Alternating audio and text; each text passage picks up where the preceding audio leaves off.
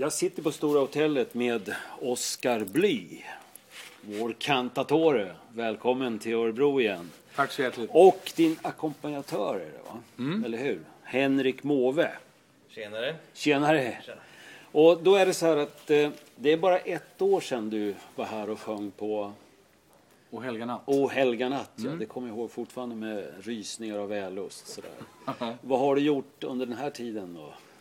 Jag har framförallt eh, ägnat mig åt att utveckla Henrik som mitt musikskapande och samarbete och kreera framtiden för det. Parallellt så har jag fortsatt att vidareutbilda mig inom opera i Italien. Och även fått förmånen att vara i New York och utbilda mig, vilket jag ska tillbaka till och ägna mig åt under våren. Just det. Jag har sett att ni uppträder tillsammans, eller ni arbetar tillsammans. På vilket, vilket, vad har du för roll i det här projektet så att säga då? Är ni, jobbar ni ihop väldigt tätt eller? Ja, visst gör vi det. Ja. Och ehm, min roll i det här det är ju att först och främst då bistå med, med pianospelet. Men eh, vi eh, gör massor med grejer ihop.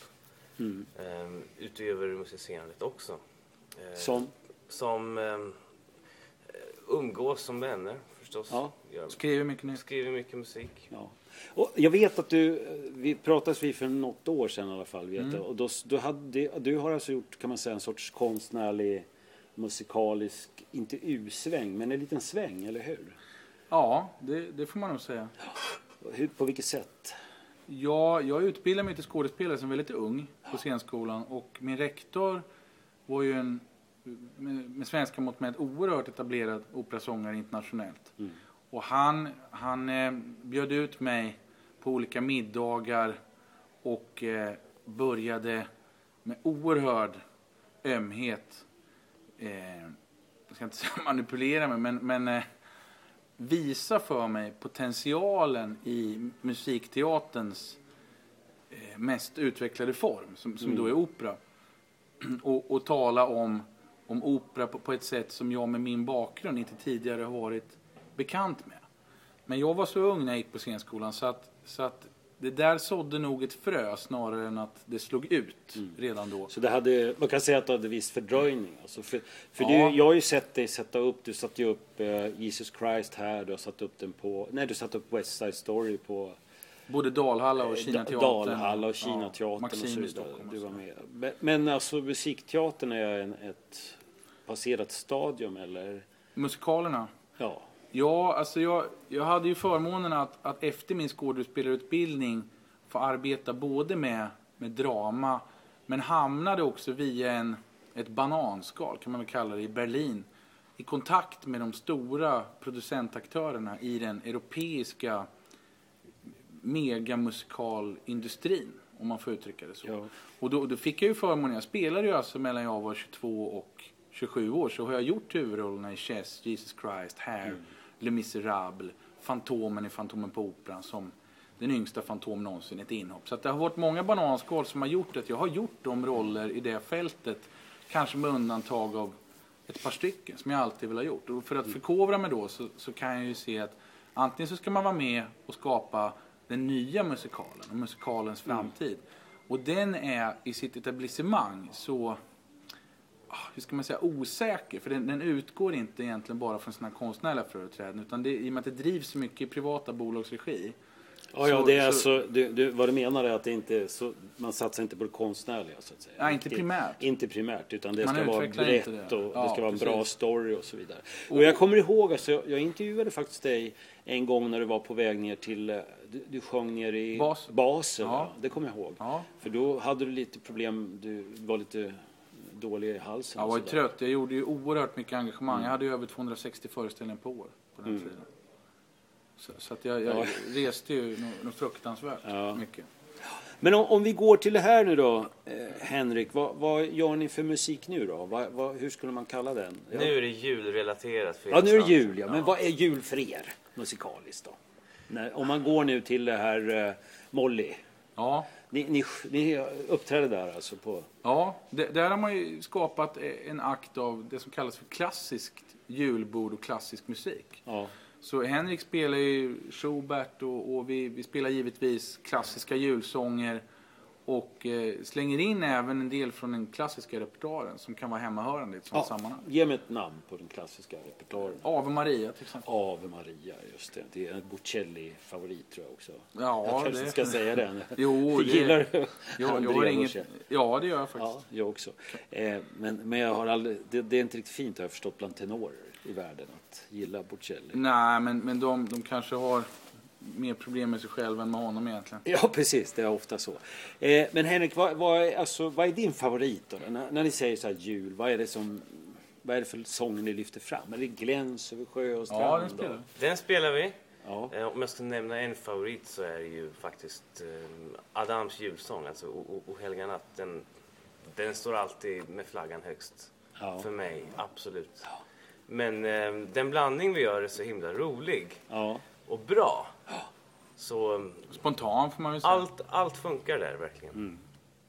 Man, man skulle annars tycka så här, som, när man är utanför det här, eh, alltså att, det, att det skulle vara ett, eh, eh, jobbigt för en musiker att ständigt spela samma saker vid, vid, till exempel vid jularna. Eller är, de här, är det så mycket hjärta i de här så att man... Ja, och, och så fort det är nya människor som lyssnar så är det ju inte samma saker längre. Nej. Då föds ju något nytt i varje ögonblick. Mm. Så då, det finns ingen slentrian eller rutin i det, absolut inte. Nej, utan ni, ni känner alltså, det, det varierar också publiken per dag kanske. Alltså, Jag ska också dagar. säga att, att våran matchning i vårt musikaliska partnerskap gör också att vi kan utmana vara, varandra väldigt fint musikaliskt Mm. i, i våra framträdanden. Att det, det blir nytt hela tiden. Just, just för att det är en sån, Mm. sån glädje att, att spela ihop. och Att vi hela tiden lägger oss på gränserna för att, för att stödja varandra att göra nytt hela tiden. Gå, Mm. gå på vårt yttersta. Och det har vi ju gjort väldigt mycket. Det har varit oerhört modiga konserter kan man säga. Jag tänkte på det här att eh, du, du säger så att du håller på och utvecklar. Va- va- hur tränar man? Så, så, hur går, vad är det du tränar så att säga för att få att gå in i operan igen så att säga? Ja, det, det är lite olika saker. Eh, för det första så handlar det om en, en tonproduktion som skiljer sig från att sjunga i mikrofon. Eh, den har legat väldigt naturligt för mig.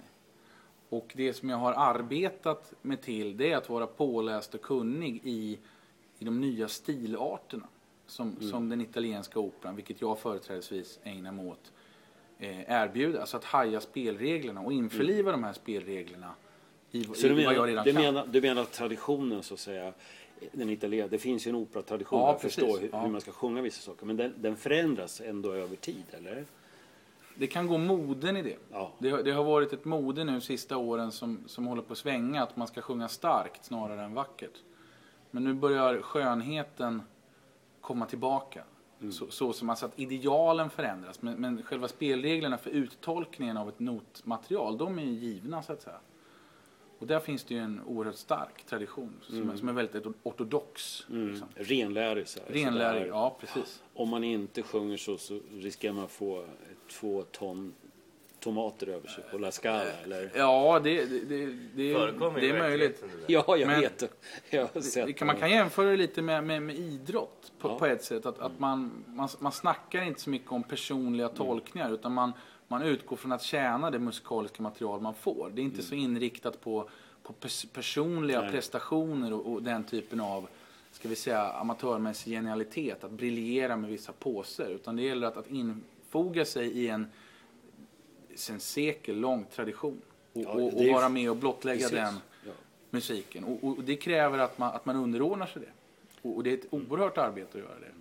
Till skillnad från att liksom sälja en poplåt. Liksom. Mm, jag förstår det. Därför att det kräver ju också en väldig, väldig styrka i rösten och så vidare. Att man, Ja. Så att man inte förstör sig om man tar i för mycket. Och. Ja, och också en, en ömhet för, för att låta det här materialet strömma genom dig. Ja. För det är ju någonstans visheten från de stora författarna vi ska kanalisera ut. Ja, sen är det ju alltid en st- historia också i, i opera. Ja. Det är ju alltså en...